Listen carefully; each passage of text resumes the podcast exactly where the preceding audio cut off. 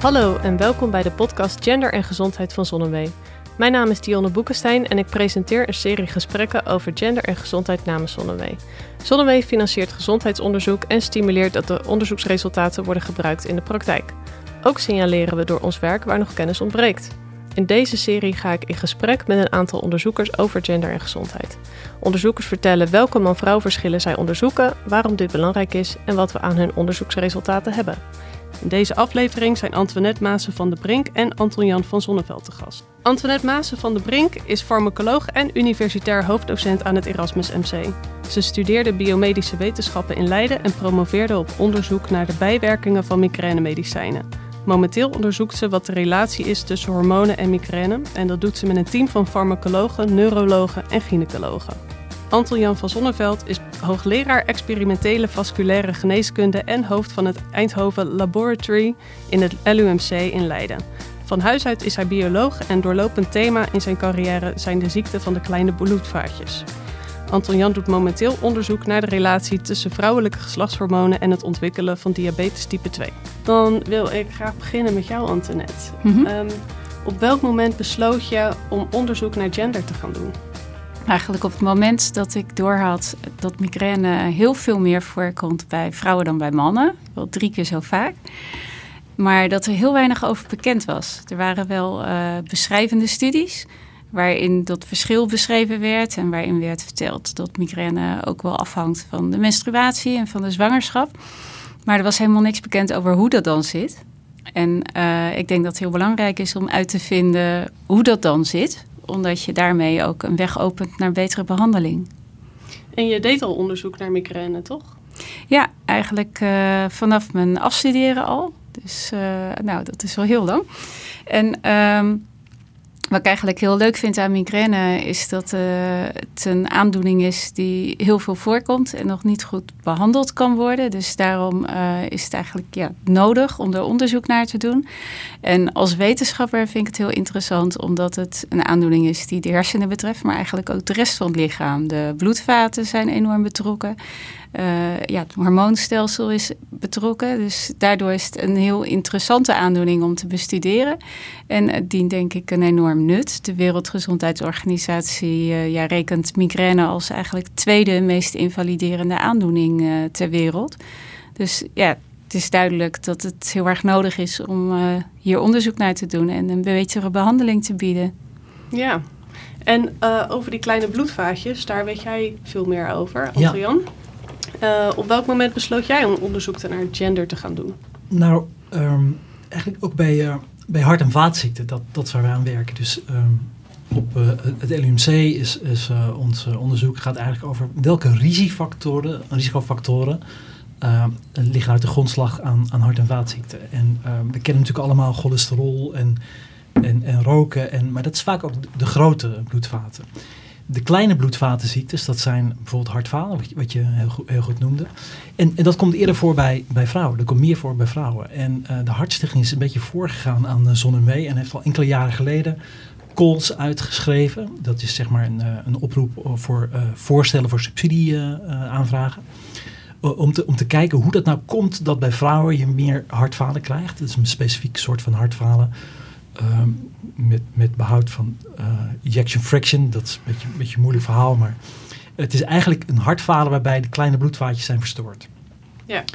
En uh, met een promovendus, dus daar krijgen we een mooie subsidie. Dat heet de Queen of Hearts. Een mooie, mooie naam in relatie tot uh, dat onderzoek. En met een, een promovendus, Barend Florijn, hebben we toen voorgesteld om te gaan zoeken naar, ja, er zijn een soort, wat tegenwoordig heet microRNA's, het zijn regelstoffen, zeg maar die processen in de cel zeg maar, hoog in de boom uh, kunnen beïnvloeden. En wat we eigenlijk wilden zien is of, in, in, of we in bloed verschillen konden vinden tussen mannen en vrouwen die, die lijden aan het hartfalen.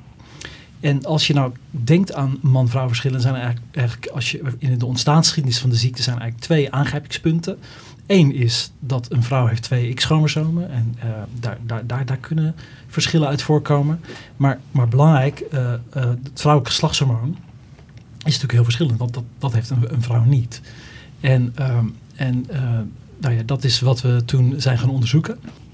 Um, dus, de aanleiding, dus onze aanleiding om te gaan werken aan man-vrouw verschillen was eigenlijk die, die van de Hartstichting. Oké, dus het Ja. was niet een intrinsieke motivatie van...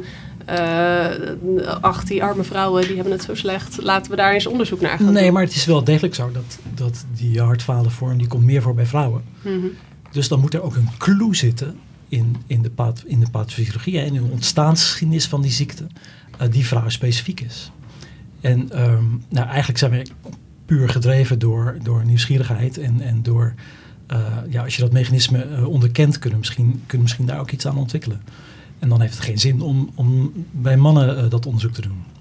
Ik denk dat het eh, eigenlijk heel goed is dat die eh calls er zijn. Omdat die juist onderzoekers, zoals bij Anton Jan, kunnen triggeren om op een bepaald gebied onderzoek te doen. En ja, ik zelf zit in het andere Hartstichtingsconsortium, de CREW. Daar kijken we ook naar vrouwspecifieke risicofactoren. En ja, we hebben ook migraine Ja. meegenomen, omdat dat een belangrijke cardiovasculaire risicofactor is. En het is denk ik ontzettend goed dat eh, ja, door zulke subsidieoproepen mensen ook juist op dit gebied onderzoek gaan doen. Dus belangrijke rol voor de onderzoeksfinanciers om eh, te kijken waar die kennis nodig is en waar onderzoekers een rol zouden kunnen spelen om die kennis in te halen. Nou, ik, Ja. ik denk ook in on- ons geval dat we wellicht niet waren begonnen aan dit project als, als er niet specifieke subsidies voor beschikbaar waren. Dus eh het is degelijk een rol bij, bij ZonneW en, en, en zeg maar de Hartstichting en ook Diabetesfonds om dit soort dingen op de agenda te zetten.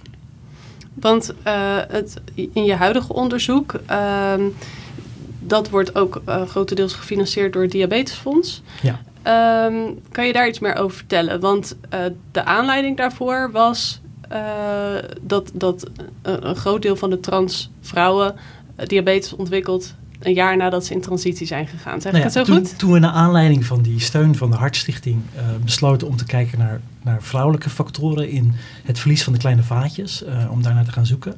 Toen eh, bedacht de Barend Florijn dat hoe kan je nou onderzoeken wat de verschillen zijn en wat zeg maar vrouwelijke geslachtshormonen, estrogeen, eh, wat dat dan beïnvloedt in het bloed, wat, wat dat dan veroorzaakt in het bloed. En eh, wat hij eh, bedacht was dat eh, je hebt transvrouwen, transgenders. En dat zijn mensen natuurlijk met mannelijke zeg maar, lichaamsbouw en eigenschappen. Die dan een hoge dosis estrogeen kijken. Nou, estrogeen, dat, dat schommelt natuurlijk bij de vrouwen. Als je zegt bij, bij bijvoorbeeld in de cyclus. Dus bij de ijsprong gaat estrogeen omhoog. En dat schommelt zeg maar een factor 20. Dus bij het laagste, als je dat 1 noemt, dan is eh, tijdens de ovulatie is, is dat zeg maar factor 20 hoger. Die, de spiegel van het estrogeen. Transgenders krijgen een dosis die zit dan op 150. Dus dat is een enorme hoge dosis. En ehm, eh, dus als je eh, wil onderzoeken wat verandert er in bloed bij estro- onder invloed van estrogeen, was dat een, een fantastisch cohort. Dat konden we samen doen je- met, met professor Martin den Heijer van, van de VU. Die een cohort had en die onderzoek deed naar, naar die transgenders. Omdat, en dat maakt het extra interessant, 30% van de transgenders insulineresistentie krijgen. En insulineresistentie, eh, zeg maar, dat is natuurlijk een voorstadium van diabetes. En dat is een hele belangrijke risicofactor in het verlies van die kleine bloedvaatjes. Dus dat was voor ons een, een prachtige gelegenheid om te kijken wat voor verschillen we daarin konden vinden. Ja. En eh, nou ja, je hebt het al even genoemd eh, dat je eh, de hormonen verschillen in, het loop, in de loop van de menstruatiecyclus. En Antoinette, daar doe jij ook onderzoek naar. Ja, zeker. Nou, het is wel grappig om nog even op de transvrouwen terug te komen. Want eh, het is ook zo dat eh, transvrouwen, die hebben, dus een heel klein studietje geweest van dezelfde groep uit Amsterdam. Eh, die hebben zoveel migraine zoals gewone vrouwen, geboren als vrouw hebben. Dus er moet nog eens prospectief, dus vooruitkijkend worden onderzocht hoe dat loopt. Maar het lijkt er inderdaad op, net als de diabetes eigenlijk, de migraine ook beïnvloed wordt door die vrouwelijke hormonen. En ehm, ja, zoiets hebben we eigenlijk gedaan eh, in ratten, omdat je dan een gecontroleerd systeem hebt. Dus daar hebben we de eierstokken verwijderd. En vervolgens eh, ja, of niks gegeven, een vehicle, of oestrogeen of progesteron of de combinatie van die twee. En dat is een situatie die lijkt een beetje op wat Anton Jan net eh, bij de mens beschreef. Ja, en dan zagen we ook veranderingen in de systemen die bij migraine betrokken zijn. Dus dat was eigenlijk al een aanwijzing dat vrouwelijke hormonen belangrijk zijn. En momenteel doen we inderdaad ook onderzoek specifiek naar menstruele migraine. Omdat nou ja, in de situatie waarin je hormonen geeft in een stabiele hoge dosis dan kijk je wel naar het effect van oestrogeen. Maar bijvoorbeeld migraine komt vaak voor precies rond de menstruatie. Dus we denken eigenlijk dat de schommelingen in die hormonen heel belangrijk zijn. En tijdens de zwangerschap, dan heb je eigenlijk stabiel hogere ja, spiegels van oestrogeen. Dan is er vaak weer minder migraine. Dus voor de migraine denken we specifiek dat die fluctuaties in vrouwelijke geslachtshormonen heel belangrijk zijn. Weet je, wij, wij vonden in het onderzoek bij die transgenders eigenlijk een heel mooi resultaat. Dat uh, twee stoffen, uh, twee regelstoffen, microRNA's voor de mensen die weten wat dat zijn. Maar dat zijn ik, ik weet dat niet. Ja, die weet het niet. nou, microRNA's zijn kleine stukjes RNA. En die kunnen genen, misschien weet je nog uit je, uit je biologieopleiding, dat je DNA wordt overgeschreven in RNA. En RNA wordt overgeschreven in eiwit door ribosomen. En kleine stukjes RNA uh, van ongeveer 20 nucleotiden kunnen functioneren. Dat heet microRNA's, microRNA'tjes. En die kunnen plakken aan specifieke messenger-RNA's. En dan kunnen ze die messenger-RNA's eigenlijk uitzetten. Dus dat zijn negatieve regulatoren van genexpressie. Je bent me een klein beetje kwijt. Oké, oké. maar dit zijn dus regelstoffen die specifiek genen uit kunnen zetten. Oké. Oké. En vonden we, nou, en vonden we twee van die uh, regelstoffen, die microRNA's. En toen we onderzochten uh, wat voor functie die uh, microRNA's hadden in muizen, dus, dus toen hebben we diezelfde regelstoffen in muizen hebben geremd, toen vonden we eigenlijk iets fantastisch, want uh, die muizen, nou, waarschijnlijk niet fantastisch voor die muizen, maar dus die werden heel snel werden 5% zwaarder in lichaamsgewicht, kregen insulineresistentie, kregen grotere vetcellen en kregen eigenlijk precies datzelfde fenotype of dus hetzelfde uh, biologische effect. Wat, wat die transgenders, uh, wat die transvrouwen ook ervaren, is dat ze insulineresistent worden. Dus wat je eigenlijk hebt gedaan, is die muizen in transitie laten gaan? Of, of zeg ik het dan uh, wat we te hebben, kort door de bocht? Wat we hebben ontdekt is dat die stoffen die anders zijn onder invloed van estrogeen... Betrokken zijn bij de insulineresistentie. En bij het, het, het meer krijgen van, um, van, van buikvet. En, want dat is typisch ook een resultaat van vrouwelijk geslachthormoon. En van um, nou ja, die, dus, dus die effecten en de insulineresistentie. Nou, waarom is dat belangrijk? Nou, die twee stoffen die komen uit het witte vet, uit je, uit je vet. En vet reguleert je metabolisme. En dat, heeft, uh, dat vetweefsel heeft een directe invloed op, um, op de kleine bloedvaatjes. En uh, dus dat was denk ik een belangrijke ontdekking. En waarom is dat nou relevant voor diabetes bij, bij de mens ook? Omdat estrogeen, ik heb verteld al dat bij de ovulatie gaat het misschien van 1 naar 20, hè, die niveauschommeling. Die transgenders die krijgen een niveau van 150. Maar in de zwangerschap uh, gaat de estrogeen nog veel hoger. Die gaat, dan nog hoger dan die 150? Die gaat nog veel. Die gaat in zeg maar, het tweede trimester naar een hoogte van 400 relatief. En in het laatste trimester van 800. En de biologische betekenis daarvan vind ik ontzettend interessant. Omdat um, eigenlijk, weet je, we zijn geëvolueerd in de laatste 50 miljoen uh, jaar. Uh, maar onze, zeg maar, onze samenleving zoals die nu is, met, met dat we eten zo van de plank kunnen halen, en uh, dat is echt een tipje van de ijsberg. Maar we zijn geëvolueerd in een omgeving waar je dus als je voedsel tegenkwam, dan moest je dat eten en moest je dat zo snel mogelijk opslaan. Nou, vrouwen die zwanger zijn, die moeten zich eigenlijk voorbereiden op zeg maar, het kunnen voeden van hun kind. En wat, wat blijkt is dat dat hoge uh, estrogeenniveau, dat praat met het vet dat is wat we ook ontdekt bij die muizen. En het zorgt dat die vrouw energie en voeding opslaat. Bijvoorbeeld kun je denken aan borstvoeding. Uh, uh, dat moet opgebouwd worden. En dat is dus precies het effect wat die regelstoffen hebben met dat estrogeen. En in de, in de laatste fase van de zwangerschap, dan gaat die estrogeen zo hoog dat die vrouwen een vorm krijgen van insulineresistentie. En dat betekent in feite dat als, als er glucose beschikbaar is in de vrouw, dat dat niet opgenomen wordt door de lever en de spieren van de vrouw, maar vrijkomt voor de zich ontwikkelende baby. Maar, want, uh, hoe ga ik dit zeggen? Waarom krijgen dan niet alle vrouwen zwangerschapsdiabetes? Ja, precies, precies. En dat is nou precies dus uh, in, zeg maar in, in een, in een uh, omgeving van schaarste.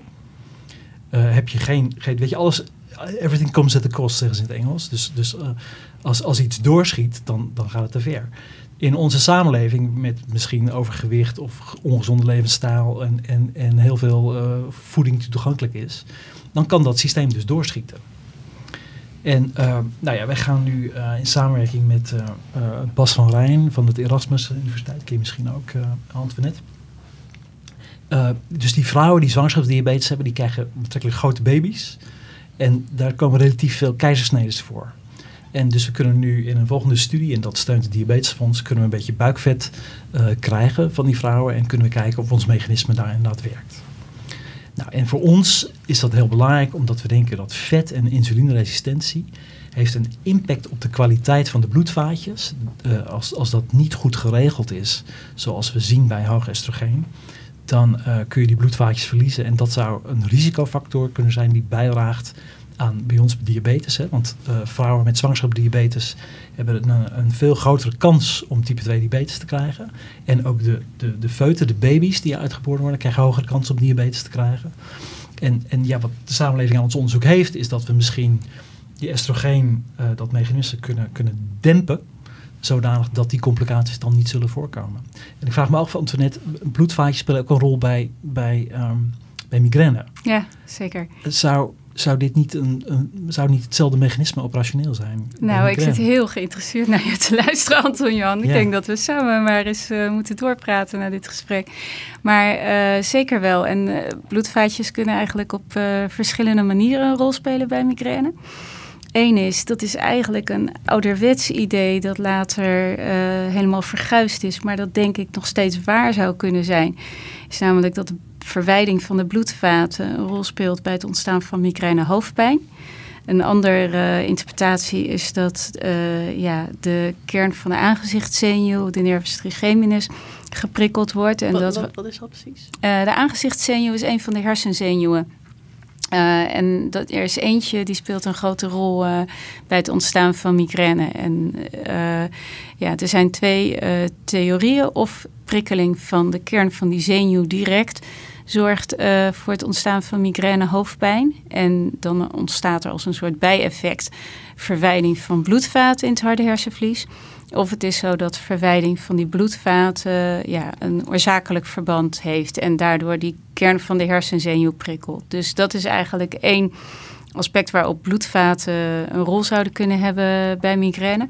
Maar een ander heel belangrijk aspect is dat uh, ja, mensen met migraine, dat is voornamelijk bij vrouwen goed aangetoond, ook een verhoogd cardiovasculair risico hebben. En het idee dat we hebben is dat dat juist komt ook door die hele kleine bloedvaatjes en niet door de grote bloedvaten. En het lijkt niet gerelateerd te zijn aan risicofactoren zoals uh, aderverkalking in de grote bloedvaten, wat eigenlijk klassieke risicofactoren zijn die je vaak bij mannen ziet. Maar juist uh, eigenlijk ja, in de kleinere bloedvaatjes, bijvoorbeeld in het hart. Dus um, ja, ik denk dat het heel interessant is om uh, ja. verder over te spreken.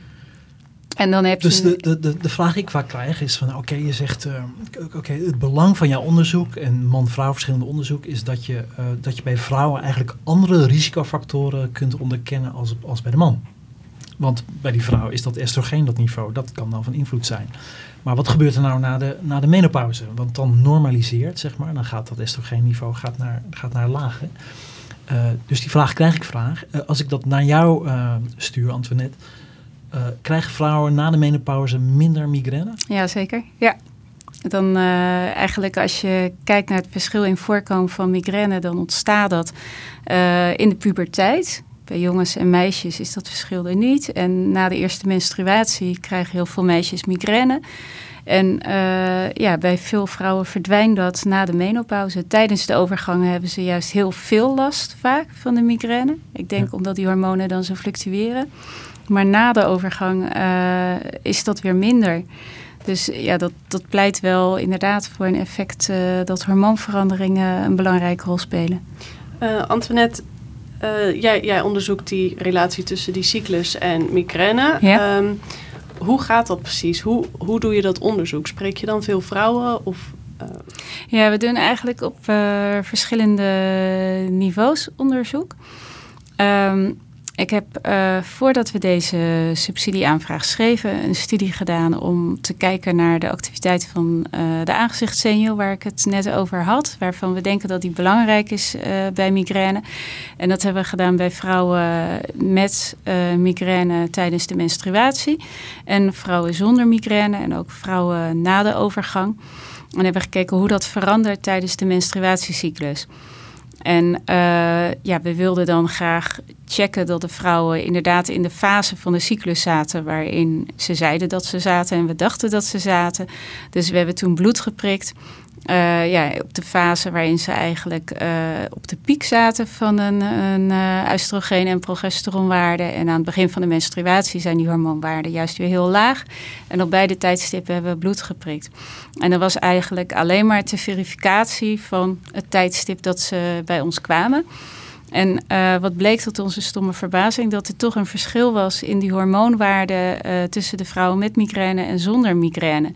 En um, dat was helemaal de opzet van de studie niet. En ik zou zelf van tevoren altijd hebben gedacht, die vrouwen hebben niet andere hormoonwaarden, maar reageren anders op hormoonveranderingen. En uh, het is ook wel zo dat die hormoonwaarden van beide groepen lagen binnen de normaalwaarden. Dus het is niet zo dat vrouwen met migraine abnormaal uh, vreemde hormoonspiegels hebben. Het is allebei binnen normaalspiegel, maar we zaten toch een uh, verschil. En, uh, maar omdat deze studie helemaal niet gericht was op het onderzoeken van die hormonen, ja, wilden we dat heel graag uh, ja, is beter onderzoeken en uitgebreider. En daarvoor hebben we nu eigenlijk een team met neurologen uit Leiden, Michel Ferrari en Gisela Terwind. En ook twee gynaecologen, Bart Fauser van het UMC en Joop Laven van het Erasmus MC. En uh, omdat eigenlijk je hebt expertise nodig van zulke uiteenlopende vakgebieden, dat we dachten, nou, het is beter om dat gezamenlijk te doen. En wat we nu gaan doen is uh, vrij gedetailleerd ja, niet alleen maar oestrogeen. We zeggen wel oestrogeen, maar dat is eigenlijk ook een verzameling van hormonen en progesteron. Maar een heel scala aan geslachtshormonen bepalen op bepaalde fasen tijdens uh, de cyclus. En um, ja, daarnaast willen we heel graag ook een oplossing bieden. En uh, gaan we kijken of uh, de anticonceptiepil, zoals die veel gebruikt wordt, als je die geeft en door laat slikken, dus zonder stopweek, dan stabiliseer je eigenlijk die hormoonspiegels. Of dat nou helpt tegen die menstruatiegerelateerde migraine. En dat klinkt super simpel. En vaak vragen patiënten ook van, uh, ja, helpt dat? En er is eigenlijk helemaal geen goed wetenschappelijk onderzoek uh, over. Wat beschamend is, want het is een vaak voorkomend probleem en een super simpele vraag. En um, zijn de hele kleine studietjes die er zijn, die, die missen vaak een controlegroep en uh, zijn niet ja, vooraf opgezet, maar wordt naar achter afgevraagd. En dan lijkt het dat een deel van de mensen heeft gebeurt niks. En bij ongeveer een kwart wordt het beter en bij ongeveer een kwart verergeren de klachten. Dus we willen nu eerst eens heel gecontroleerd gaan onderzoeken. Ja, wat is de effectiviteit? En uh, dat ook relateren dan aan die hormoonmetingen. Want ja, misschien is het wel zo dat bij vrouwen met net hogere spiegels of lagere spiegels... dat het wel effectief is en bij andere vrouwen weer niet. En dat is eigenlijk wat we in dit project willen gaan doen. Antoinette, wat, wat bij ons natuurlijk... Weet je, onze werkhypothese is dat mm -hmm. mogelijk ons mechanisme... Uh, wat zwangerschapsdiabetes zou kunnen verklaren... is dat, dat met hoog estrogeen dat je daardoor... Uh, die insulineresistentie krijgt in diabetes. Dan zou je verwachten, als je vrouwen vergelijkt met uh, zwangerschapsdiabetes en geen zwangerschapsdiabetes, dat, dat die dan een hogere estrogeenspiegel zou hebben. Er zijn er sommige studies laten dat wel zien en sommige studies laten dat niet zien. En ik denk eigenlijk dat dat het ietsje complexer is. Dat het niet zo is van hoe meer estrogeen, hoe meer nee, insulineresistentie. hoe je maar dat het ook te maken heeft met de gevoeligheid ja, van de vrouwen. We zijn natuurlijk allemaal wel. niet, uh, we zijn allemaal verschillend. Ja. En we hebben allemaal verschillende gevoeligheidsgenen. En sommige mensen hebben hoog cholesterol en ja. sommige hebben laag. Ja. Dus de sterkte waarmee je reageert op je estrogeen, ja. zou daar belangrijk bij kunnen zijn. Ja, en dat en is denk ik het belang van ons onderzoek, omdat, en dat, dat gelukkig maar we dat doen van het Diabetesfonds, om verder dat mechanisme uit te zoeken. Nou, dat is precies inderdaad want, ja, wat want ik jij, wilde jij, zeggen. Jij ziet waarschijnlijk ook, ook, niet dat het zo heel, um, heel duidelijk is dat hoe meer estrogeen, hoe meer, hoe meer migraine. Nee, nee, nee. Want eh, ja, wat ik zei, we denken juist dat het fluctuaties zijn. En wat we in deze studie gaan doen, dat is denk ik wel waar je mee moet beginnen. Eigenlijk eerst is gewoon kijken hoe zit het met die hormonen in die vrouwen en helpt het om te stabiliseren. Maar wat ik later heel graag zou doen, is eigenlijk wat dieper duiken.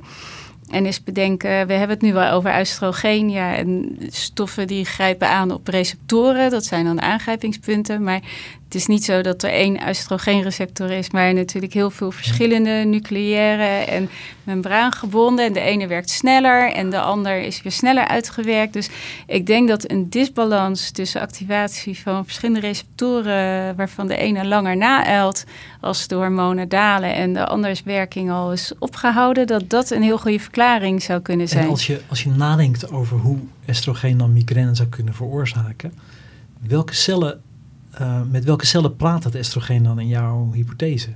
Nou, dat uh, ja, is eigenlijk heel breed. Want als je de literatuur bekijkt, dan zou estrogeen uh, direct iets kunnen doen op de prikkelbaarheid van de hersenschors. En dat is een systeem dat bij migraine betrokken is.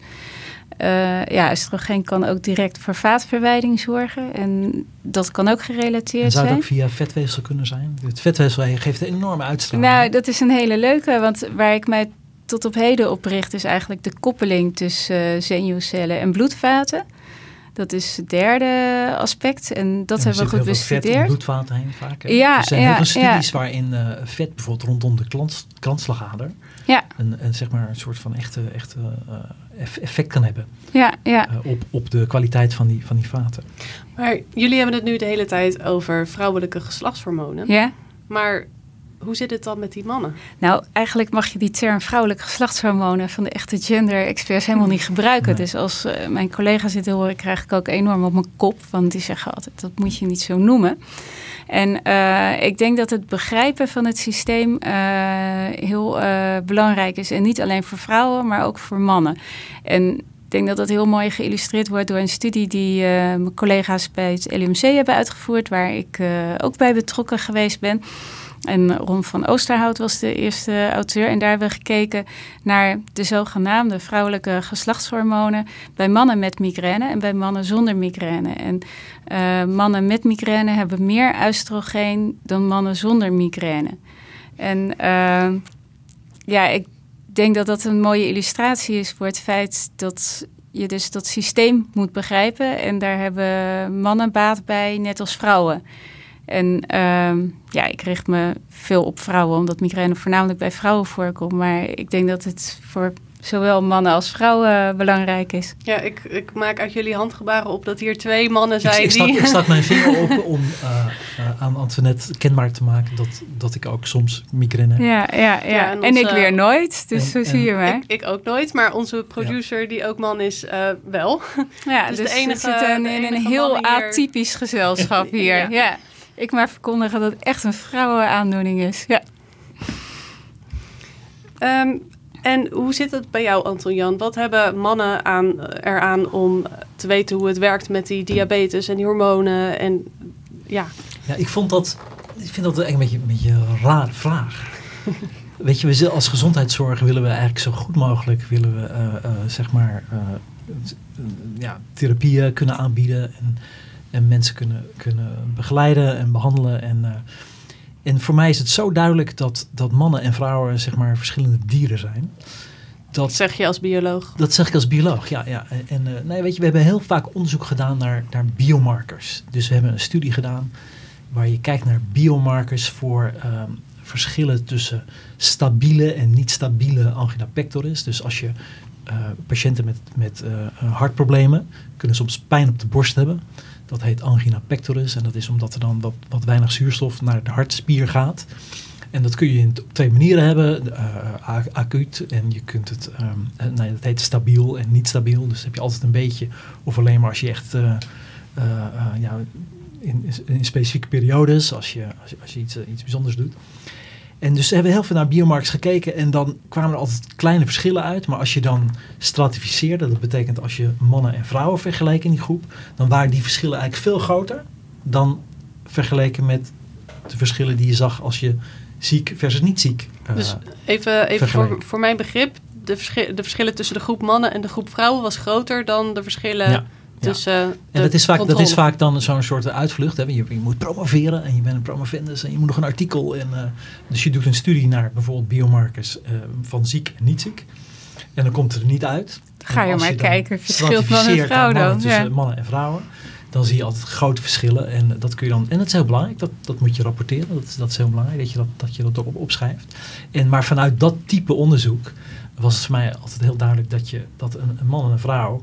Kijk, grote lijnen is, is, is die, gaat het ongetwijfeld hetzelfde. Hè? Cholesterol en roken slecht voor man en vrouw. Maar als, je, als we echt naar eh, precision medicine gaan, dat betekent als we echt patiëntgericht gaan behandelen, moet je, is, ligt het voor de hand dat, dat, dat vrouwen en mannen eh, eh, verschillend benaderd worden. Ja, jij zegt nu dat roken slecht is voor mannen en vrouwen. Maar ik meen me ook te herinneren dat roken voor vrouwen ook nog eens slechter is dan voor mannen. Ik weet niet of jullie dat ook wel eens hebben gehoord. Of dat ik gewoon... Ja, zoals is het bijvoorbeeld ook als je rookt en de anticonceptiepil gebruikt, dan schieten bepaalde risico's heel erg omhoog. En dat is, Voor ja. trombose bijvoorbeeld. Ja, ja, We kennen allemaal factor 8 lijden. ja, ja. En dat is een risicofactor en die, eh, die, die verhoogt je risico op trombose. Ja. Maar als je ook nog anticonceptiepil gebruikt, Dan, eh, dan, is dan het, moet je ja, echt, ja, echt, eh, echt opletten. Ja, en hetzelfde geldt bijvoorbeeld eh, migraine met aura. Dat is een vorm van migraine. Ongeveer een derde van die migrainepatiënten waarbij je vaak flikkeringen of tintelingen ervaart. En eh, die hebben een verhoogd eh, risico op een beroerte. Maar als ze dan ook nog de pil gebruiken, gaat het omhoog. Of als ze roken, gaat het omhoog. Maar als ze en roken en de pil gebruiken, dan schiet het echt omhoog. Dus roken moet niet. En wat heeft de man eraan? Dus kijk, insulineresistentie is een heel belangrijk fenomeen. Dus type 2 diabetes. Dus vaak wat mensen met overgewicht eh, krijgen en slechte levens. eh, dat heeft te maken met de biologie van het vet. En dat heeft te maken met eh, hoe je glucose kunt opslaan en maken en hoe dat gereguleerd is. En ik denk dat we hebben nu via estrogeen hebben we gezien hoe dat mechanisme wordt aangestuurd. Maar ongetwijfeld bij een man wordt het op een andere manier aangestuurd. Dus het mechanisme zelf is, is eigenlijk voor zowel mannen als, als vrouwen, denk ik, eh, heel eh, relevant. En ik denk dat het ook heel belangrijk is ehm, om de wereld om je heen te begrijpen, om dingen goed te kunnen interpreteren. Anton Jan, jij had het over het eh, verschil tussen stabiele en variante angina pectoris. En deed me denken aan een ehm, studie die is uitgekomen. Er is momenteel een eh, nieuwe generatie antimigrainemiddelen op komst, die nou ja, heel veel voordelen kan hebben. En eh, ze remmen een klein eiwitje dat migraine kan veroorzaken. Maar een van de zorgen die ik heb is, ja, heeft het ook nadelen als je dat eiwitje remt. En dat eiwitje kan onder meer als er zuurstoftekort is eh, in het hart, kan het zorgen dat die kransslagaders zich weer verwijden. En dan hebben wij in ons onderzoek eh, aangetoond dat eigenlijk in de grote kransslagaders speelt dat eiwitje CGRP niet zo'n grote rol, maar het speelt juist een belangrijke rol in de kleine vaatjes, waar Anton Jan al noemde eigenlijk, Ja. dat is vaak waar vrouwen hun infarct krijgen. En nou is de veiligheid van eh, dat middel onderzocht. Ja, uitgerekend in een groep mannen met stabiele angina pectoris. Dus die hebben grotendeels aandoeningen in die grote geleidende kransslagaders waar dat eiwitje geen rol speelt. En dan zeggen ze, nou, we zien geen effect van het middel.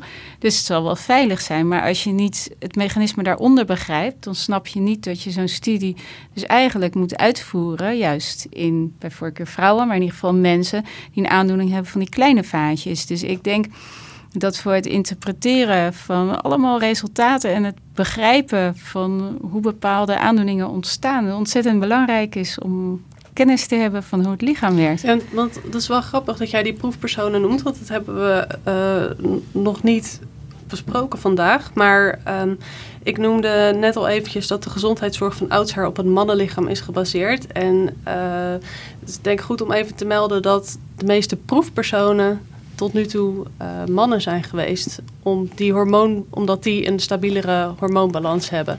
Ja, En jullie doen juist onderzoek naar de verschillen in die hormoonbalans. ja. Ehm, ik ben benieuwd hoe dat in de praktijk gaat. Want hoe, hoe ik, ik, ik zie dan voor me dat je gewoon ergens een zaal met vrouwen hebt zitten waarbij je, waarbij je de hormonen gaat meten, maar zo werkt het vast niet. Helaas niet een hele zaal tegelijk. Dat zou als onderzoeker ideaal zijn, maar dat lukt niet. Maar het is inderdaad ingewikkelder uh, met vrouwen, want uh, ja, verschillende studies gedaan met vrouwelijke proefpersonen. En dan moet je enorm nadenken. Ik zei net al dat in het verleden een studie hadden gedaan waarin we hebben aangetoond dat de menstruatiecyclus een rol speelt. Dat is geweldig. Maar dat verplicht je dus in elke volgende studie die je gaat doen op zo'n model, om je daar heel bewust van te zijn. Dus we hebben een studie gedaan waarbij we bij jonge vrouwen wilden kijken. Dan moet je gaan denken op welke fase tijdens de cyclus dan. Of moet je ze allemaal, je kan niet maar alles onderzoeken en mensen steeds terug laten komen. Dus daar hebben we bijvoorbeeld voor gekozen om uh, vrouwen uit te nodigen die de pil gebruiken en die dan te onderzoeken tijdens uh, de weken dat ze die pil gebruiken en die hormonen relatief hoog en stabiel zijn. Maar dat zijn allemaal ingewikkeldheden bij onderzoek naar vrouwen. En als je die niet in ogenschouw neemt, dan krijg je veel variabele resultaten. En precies hetzelfde met proefdieren. Je, ja, een rat of een muis die heeft niet een menstruatiecyclus zoals de mens, maar dat is een cyclus van vier dagen. Maar daar verandert ook van alles. En dan maakt het ook weer uit wanneer je in die uh, cyclus uh, zit. Dus ik denk dat we af moeten van het dogma dat we per se alles in, in mannelijke en vrouwelijke proefdieren bijvoorbeeld uh, moeten onderzoeken. Want we willen ook niet nodeloos veel proefdieren gebruiken. Dan wordt alles twee keer zo groot, twee keer zo duur. Ethisch gezien gebruik je twee keer zoveel. Maar je moet wel nadenken, wat onderzoek je en wat voor groep is daar goed voor? En soms heb ik een vraagstelling waarvoor ik denk ik wil een bepaald mechanisme een beetje geïsoleerd bekijken. Dan, dan kies ik mannelijke dieren. Maar je moet er in ieder geval goed over nadenken. Ja, dus dat was begin je vraag. Je zei van, ja, tot nu is onderzoek voornamelijk mannengericht geweest. Hè? Uh, dat, dus aan de ene zijde ben ik met jou eens, ook dus in dierproeven uh, is, is een, een mannelijke muis is makkelijker, want die is stabieler door, door, door die cyclus. En, uh, dus heel veel onderzoek, ik denk wel 90% van het onderzoek tot, tot voor kort, is altijd met mannelijke muizen gedaan. Dus als je daar een, een, een ongelooflijke ontdekking doet, is dat eigenlijk in een mannelijke muis. Dus, en, en de follow-up. En ik wou ook nog getreden op de, op de mm. bloedvaten. Dus, um, we, we, dus heel lang is gewerkt aan atherosclerose, aan infarcten. En, en dat is het onderzoek aan de grote bloedvaten. En zeg maar, de interventiecardiologen kunnen daar nu fantastische dingen doen. Dus die kunnen als een bloedvat verstopt is, een groot bloedvat, kunnen ze een stent plaatsen. Ze kunnen een bypass kunnen ze aanleggen, waardoor je een omleiding maakt rond een verstopping. Uh, dat is heel relevant, omdat zeg maar, de eerste ziektes die we allemaal kennen, bij hart- en vaatziekten, is het myocardinfarct waar je dus, waar je dus een verstopping krijgt van kransslagader. Of een aneurysma waar een groot vat scheurt. Of perifeer vaatlijden als er, een, als er een vat in je benen is afgesloten. En, dus daar is heel lang heel veel onderzoek aan gedaan. En, uh, en dat zijn eigenlijk ook ziekten van, van de mannen. De ziektes van de kleine bloedvaatjes zijn veel meer de ziektes van, van de vrouwen. Daar kunnen we eigenlijk nog heel weinig mee. Um, het is heel duidelijk dat bij hartfalen verlies je heel veel van die vaatjes. Uh, waardoor het weefsel zeg maar, wat stijver wordt, fibrotisch. Waardoor het hart zich bijvoorbeeld niet goed kan vullen. Uh, en je hebt iets dat heet boezemfibrilleren, waar, waar zeg maar, de geleiding van, van de innervatie van de, van de, van de boezem... Uh, dat zijn de hartritmestoornissen. De hartritmestoornissen, waar, waar dat verstoord is. Dat komt ook misschien, dat is een, een werkhypothese waar we aan werken, doordat de bloedvaatjes daar, daar uh, verdwijnen. Diabetische nefropathie, dat betekent dat uh, zeg maar typisch de, uh, het nierfalen wat patiënten met diabetes krijgen, is geassocieerd met het verlies van bloedvaatjes in, in de nier. Daar kunnen we eigenlijk nog heel weinig aan doen. Uh, gezonde levensstijl is heel belangrijk. maar er zijn geen geneesmiddelen die zorgen dat die vaatjes die, die verdwijnen, dat die, dat die niet verdwijnen. Dat, we die, dat heet destabilisatie en stabilisatie. En uh, dus dat is nog eigenlijk een ongelooflijk uh, zwart gat waar heel veel onderzoek aan gedaan moet worden. Ik ben ervan overtuigd dat we die mechanismen kunnen gaan begrijpen. Die kleine bloedvaatjes zijn, zijn hele kleine vaatjes en die zijn samengesteld van zogenaamde endotheelcellen. Dat is de binnenbekleding van die vaatjes. En er zitten pericyten tegenaan. En die pericyten zijn een soort van steuncellen en die houden die vaatjes intact. Nou, het mechanisme is een beetje bekend. Dat is in ieder geval bij diabetes. Dat als je die vaatjes verliest, dan raken die steuncellen die raken los van die endotheelcellen. Dus als je het ziet als een Jenga-toren, dan uh, gaan er steentjes tussenuit. Ja. Zeg ik even met mijn ja, lekenbrein. Dus zeg maar de, de, de celletjes die de integriteit van dat kleine vaatje uh, houden. Die houden vast. Die zitten uh, met allemaal pootjes zitten ze om dat vaatje heen. Maar als dat loslaat, en dat weten we bijvoorbeeld bij diabetische retinopathie. Dus patiënten met diabetes kunnen ook last krijgen van hun ogen. Uh, omdat bloedvaatjes kapot gaan in de ogen. nou, dat mechanisme is bekend. En dus wij doen veel onderzoek naar kunnen we nou begrijpen waarom en onder welke prikkels zeg maar, die pericyten die, die steuncellen loslaten? En wat dan kunnen we misschien iets verzinnen wat, wat dat tegengaat. En er zijn een paar geneesmiddelen die nu daarop gericht zijn. Uh, om stoffen die dat loslaten uh, tegengaan uh, te doen. En, maar als je dat vergelijkt met al het onderzoek wat gedaan is aan atherosclerose en het opknappen en het beschermen van de grote bloedvaten, dan is dat, dan is dat maar een heel, heel, heel klein, heel klein deel.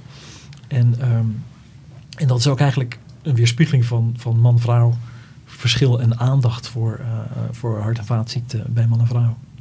Waardoor denk je dat dat komt? Denk je dat mensen gewoon eh, dat niet oog hadden voor die verschillen? Nee, het is of ook denk kennis. Je... Het is ook kennis. Het is voortschrijdend inzicht. Het is natuurlijk, uh, uh, zeg maar, in een infarct, een verstopping van de kransslagader, dat was, was al, al betrekkelijk snel duidelijk hoe, hoe dat zit. En, en, en daar is iets aan te doen. Het is veel moeilijker om, om die kleine, dat verlies van die kleine bloedvaatjes ten eerste dat in kaart te brengen. Dat weten we ook pas heel kort. Dat zeg maar hartfalen deels ook ontstaat door het verlies van kleine vaatjes dat is misschien van de laatste tien jaar of zo. En ik denk ook de presentatie van een hartinfarct bij vrouwen is vaak veel aspecifieker ja. dan bij een man.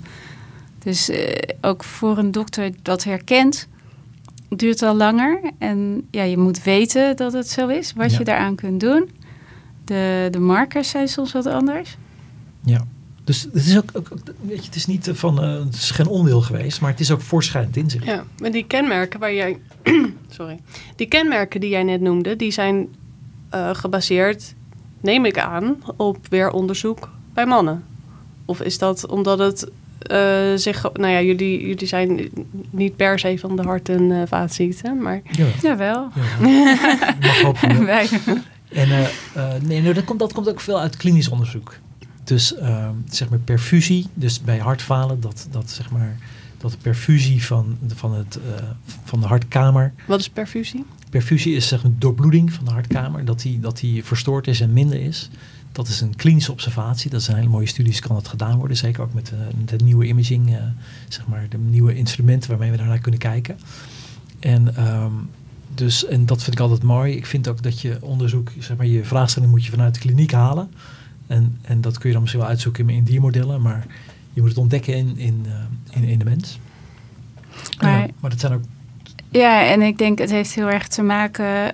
Je kunt uh, verklaren en behandelen wat je kunt zien en wat je kunt meten. En die grote bloedvaten, daar was de beeldvorming natuurlijk ja, veel duidelijker. Je kan een angiogram maken en dan zie je op zo'n groot bloedvat een verstopping. Ja. Nou, wat Anton Jan al heel mooi zei, daar kan je mechanisch zelfs iets aan doen al. Dus dat is iets wat zich duidelijk presenteert met duidelijke klachten.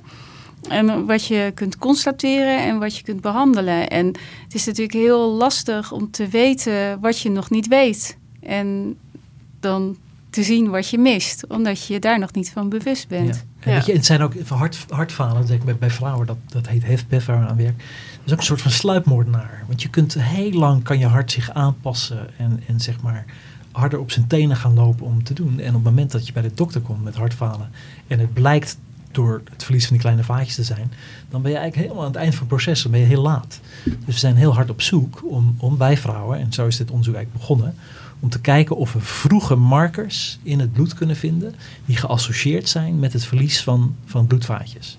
Kunnen we bijvoorbeeld schademarkers van die microvasculaire vaatjes, kunnen we die al meten in het bloed, zodanig dat we heel vroeg uh, in kaart kunnen brengen bij, bij, bij die vrouwen. Of uh, ook bij, er zijn ook mannen die HFpEF krijgen. Of ze dat hebben. En, en dan zou je al lifestyle, zeg maar, aanpassingen kunnen doen. of geneesmiddelen geven. Bij diabetes en nephropathie is dat bijzonder het geval. Dan zou je zeg maar ACE-remmers en bloeddrukremmers eerder kunnen geven. dus ik denk dat het belangrijk onderzoek is. Even terug naar de zwangerschapsdiabetes. Want je zei dat vrouwen met zwangerschapsdiabetes... dat dat risico's met zich meebrengt voor zowel moeder als kind. Ja. maakt het dan nog uit of een baby een, een mannetje of een vrouwtje is? En, en wat voor risico's moet ik me daarbij voorstellen? Dat, dat weet ik eigenlijk niet. Maar maar, ten eerste, een vrouw die zwangerschapsdiabetes heeft... En als je mijn mechanisme een beetje nog kan herinneren wat ik vertelde, dat betekent eigenlijk dit soort van doorschieten van een evolutionair geconserveerd mechanisme. Dus als jij zelf al aanleg hebt, misschien door overgewicht of dat je gewoon pech hebt, dat je genen hebt die jou gevoelig maken voor insulineresistentie, dan kan dat een beetje doorschieten. Nou, die vrouwen die, die uh, hebben, die hebben een, uh, een, een, veel grotere kans, het is 5 tot 10 procent meer kans om op latere leeftijd type 2 diabetes te krijgen. Uh, en dat komt ook een beetje, het heet, een, het heet de Barker-hypothese. Dat, er, ja, dat is epigenetica. Dat heet dat de cellen die, die onthouden dat ze een keer een hele rijke omgeving hebben gezeten qua voedingsstoffen. En uh, die, die veranderen, die gebruiken dan hun, hun genen anders. En uh, dus dat, dat verandert die vrouw. Nou, dit gaat niemand snappen, dan moet je eruit knippen. Ze uh, worden een beetje verwend. Ja, ja, ja, ja. Nou, en, die, en dat hebben die, die feuten ook. Dus er zijn, um, er zijn studies geweest. Uh, en dat, die, die hongerwinter. Um, ja, maar dat is dan weer het omgekeerde. Ja, want daar zat ik net aan dat is omgekeerd. Dus als jij, ja. als jij opgroeit als, als baby. Hè, en we denken aan hongerwinter in de Tweede Wereldoorlog. Onder condities van schaarste dan worden de genen van die kinderen die dan geboren worden, zijn zo afgesteld dat als er maar één patatje voorbij komt, dat al die voedingsstoffen opgeslagen worden in het vet van zo'n individu. En dat betekent dat je veel efficiënter zeg maar, je vet opneemt en veel groter risico hebt op overgewicht en type 2 diabetes. Nou, dus er is een hypothese dat die kinderen zeg maar, die in die zwangerschapsdiabetes omstandigheden gezeten hebben, dat die ook geherprogrammeerd zijn. Maar dan zouden ze dan minder risico zijn, moeten ja, hebben ja, ja, als je deze redenering Maar dat is toch niet zo? Nee, want, dat dacht ik wel. Ze hebben ook daarnaast, bij zwangerschapsdiabetes zijn er ook andere complicaties. Dus er, er zijn te veel prematuren. Uh, er, zijn, uh, uh, er zijn soms ook afwijkingen gevonden bij die baby's. En daar, daar, zijn hele studies aan gedaan. Oké. Okay. En dat is nou ja, weet je, tot 5% van de, van de vrouwen kunnen zwangerschapsdiabetes hebben. Dus dat is een aanzienlijke aantal uh, personen. En wat ik me ook nog afvroeg, want je noemde net dat uh, nou ja, uh, een derde van de transvrouwen krijgt diabetes type 2. Maar die hormoonwaarden bij hen zijn veel lager dan zwangere vrouwen. Maar je zei van ja, dat zie je... Ja, maar die zijn nog steeds excessief hoog. Dus die zijn zeg maar in dezelfde orde vergroot, iets, nou, ietsje onder zeg maar, het tweede trimester van de zwangerschap. Daar waar je zeg maar, je, je, je voedingsstoffen gaat opslaan om ze te bewaren voor als je je kind moet gaan voeden. Maar hoe komt het dan, dan niet dat niet alle vrouwen uh, zwangerschapsdiabetes ontwikkelen? Want je zei van ja, dat systeem schiet door. Maar ik, toch, toch vind ik dat moeilijk om te begrijpen. Omdat, omdat die verschillen zo groot zijn tussen die uh, normale ja. hormoonwaarden en tijdens die zwangerschap. Nou ja, ik, ik, ik, dat is maar een hypothese. Dus ik, ik denk, dus ik, ik, ik hing dat op aan het feit dat we nu in een tijd van overvloed leven. En dat zeg maar, onze voeding heel veel rijk is. En, uh, zeg maar, en als we zo heel efficiënt die voedingsstoffen allemaal opslaan, dan uh, zit je heel gauw. Kijk, insulineresistentie in type 2 diabetes krijg je als je, als je zeg maar, te veel vet vasthoudt. En, um, uh, want dan krijg je een soort ontstekingsreactie, waardoor zeg maar, de gevoeligheid voor insuline vermindert. En dus een, een, een deel zou je kunnen verklaren door, um, doordat ja, je, je, je, gevoeligheid voor insulineresistentie hoger is, maar ook omdat, je, omdat we nu in een omgeving van, van overvloed uh, leven. Uh, en ja, het zal ook genetische uh, aanleg zijn, denk ik. en het is misschien altijd al geweest, alleen um, ja, nu, nu brengen we het in kaart. Ja, we zien het nu pas. Ja. ja. En Jij wilde ook nog wat vragen? Nou, weet je, wat, wat heel belangrijk is, denk ik, dat we met z'n allen veel meer aandacht gaan besteden aan de verschillen tussen mannen en vrouwen en de mechanismes waardoor mannen en vrouwen ziek worden. En naast geslachtshormoon heb je ook nog het verschil dat vrouwen hebben twee X-chromosomen en mannen hebben een X- en een Y-chromosoom. En het is belangrijk voor het goed functioneren van, uh, van organismen uh, dat uh, de, hoe hard de genen aanstaan, dat dat, dat dat goed gedoseerd is. En je snapt al, als je twee X-chromosomen hebt, en vergeleken met een X- en Y-chromosoom, dan zijn de genen die op het X-chromosoom zijn, zijn, zijn, zijn er twee keer zoveel. Nou heeft de natuur een fantastisch mechanisme, dat heet X-linked silencing. Dus dat betekent dat van één van die twee chromosomen staan alle genen uit. Dus dan heb je net zoals bij de man, heb je gewoon één kopie wat functioneert en is de dosis van de genen van het X-chromosoom is identiek. Maar nou is ontdekt dat, en dat is ook heel interessant, dus veel vrouwen hebben auto-immuunziekte. Uh, of veel vrouwen, auto-immuunziekte komt meer voor bij, bij vrouwen. En denk aan, aan, aan lupus en, en, en dat soort type ziektes die ook in de, in de nierenwereld uh, voorkomen. En daar zijn hele mooie uh, studies nu aan gedaan dat incomplete silencing, dus uh, zeg maar niet volledige repressie of onderdrukking van genen op het tweede X-chromosoom, dat dat zorgt voor een soort van overdosis van genen die op dat X-chromosoom zitten. En, en wat is nou uh, de verrassing? Dat op dat X-chromosoom zitten heel veel ontstekingsgenen.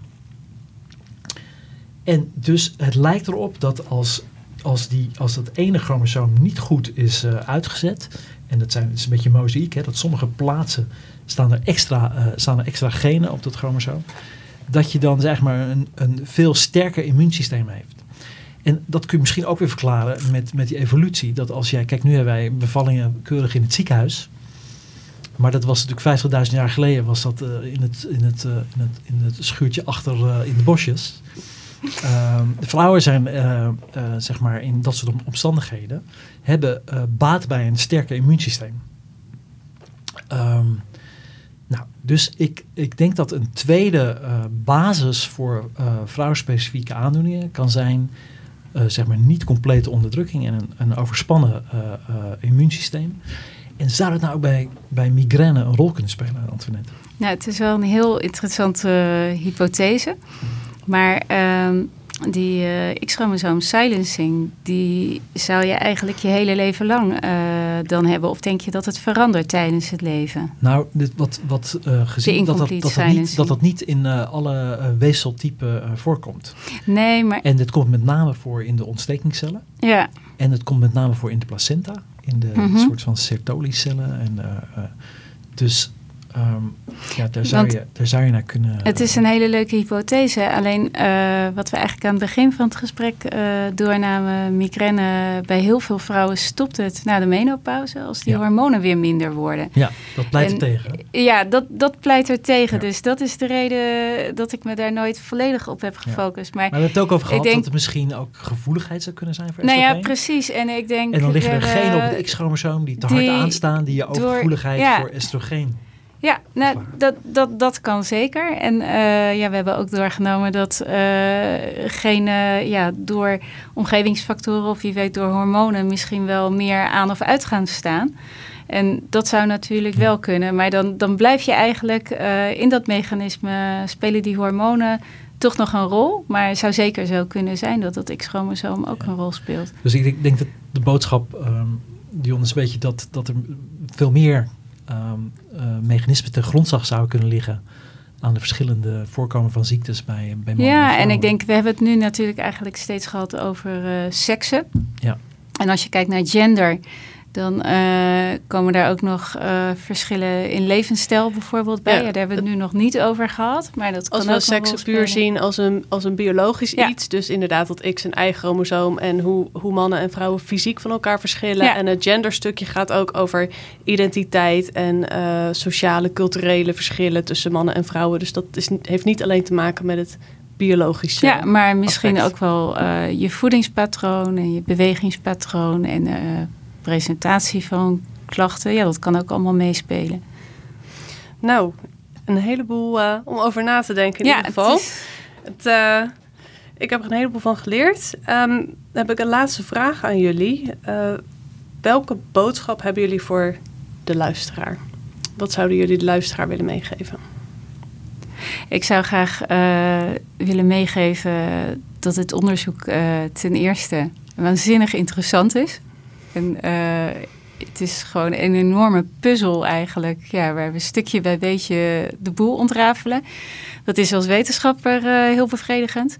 En uh, ten tweede is het eigenlijk, als ik voor migraine spreek, van de gekke dat die aandoening drie keer zoveel voorkomt bij vrouwen. Dat weten we allemaal. Dat wordt jaar na jaar maar uh, geroepen en uh, verteld. En als je kijkt naar de behandelingen tegen migraine die er zijn... dan is eigenlijk uh, helemaal niks specifiek gericht op die vrouwelijke component. En het ligt toch enorm voor de hand om eens te gaan kijken... wat veroorzaakt nou dat grote verschil in voorkomen van migraine tussen mannen en vrouwen. Nou, en als je die component begrijpt en idealiter daarna kunt elimineren, dan zou je migraine bij vrouwen eigenlijk moeten kunnen terugbrengen naar het niveau van dat bij mannen. Dan blijft er nog steeds wel een probleem over, maar dan heb je echt een immense slag gemaakt. En dat dat nog niet gebeurd is, dat is uh, eigenlijk heel slecht. Dus er moet snel verandering in dus komen. Dus wanneer zou jij tevreden zijn? Als, na afloop van je onderzoek en uh, wat moet er gebeuren met die resultaten om, om jou blij naar huis te laten gaan? Ik ga bijna elke dag blij naar huis, gelukkig. Uh, ja, ik denk tevreden moet opgedeeld worden in kleine mijlpalen. Dus als we het hebben over de huidige subsidie uh, die we van Zonnewee hebben gekregen, dan ben ik tevreden. Als we begrijpen hoe die hormonen veranderen bij de vrouw met en zonder migraine. En als we fatsoenlijk hebben uitgezocht of de pil doorslikken wel of niet helpt. En dat is niet ja, waar ik aan het eind van mijn carrière tevreden mee zal zijn. Want daarna wil ik gaan uitzoeken hoe komt het dan en hoe kunnen we dan een veel betere behandeling maken. Waarbij we specifiek die oestrogeenreceptoren stimuleren of blokkeren die uh, betrokken zijn bij migraine, maar verder geen bijwerkingen hebben. En uh, ja, hoe kunnen we dat veel nauwkeuriger doen? En uh, ik denk tegen de tijd dat dat allemaal is uitgezocht, dat ik dan tevreden met pensioen kan. Maar dat duurt gelukkig nog een hele tijd. Nog genoeg te doen in ieder ja. geval. En, uh... Ja, ik zou, ik zou als laatste uh, bespiegeling willen geven, is dat er is heel veel aandacht uh, in de biomedische wetenschap voor wat in het Engels heet personalized medicine. Dus wat er gezegd wordt is, en er zijn ook subsidies voor en dat we moeten niet meer zeg maar, uh, alle mensen op een hoop gooien, maar we moeten kijken naar hun genenpakket en kijken naar specifieke gevoeligheden en we moeten eigenlijk zorg op maat gaan leveren. En wat is het dan gek dat we dan man-vrouw verschillen over het hoofd zien, terwijl we wel gaan kijken naar hoe hoog bepaalde genen en hoe hoog bepaalde biomarkers aanstaan en en ik denk dus dat, dat man-vrouw verschillen zeg maar, een hoeksteen zullen zijn van personalized medicine. En wanneer ben jij tevreden? Um, Mag zowel binnen met je eigen onderzoek zijn als uh, in nou, een breder perspectief. Ongelooflijk, weet je, dus hoe dat zwangerschapsdiabetes, hoe dat, hoe dat dan werkte. Dat, uh, dat is eigenlijk, als ik dat vraag aan alle specialisten, dan, dan weten ze dat eigenlijk niet. Er zijn wel wat vermoedens dat estrogeen daar een belangrijke rol En stel je nou voor dat wij met ons mechanisme, en, dat denk ik eigenlijk stiekem, dat wij ontdekt hebben hoe dat werkt. En als we dat kunnen bevestigen, en dat gaan we doen samen met uh, Bas van Rijn van Erasmus. En als het nou klopt dat het mechanisme, als we dat kunnen terugvinden in die vetcellen van die, van die zwangerschapsdiabetes van die vrouwen.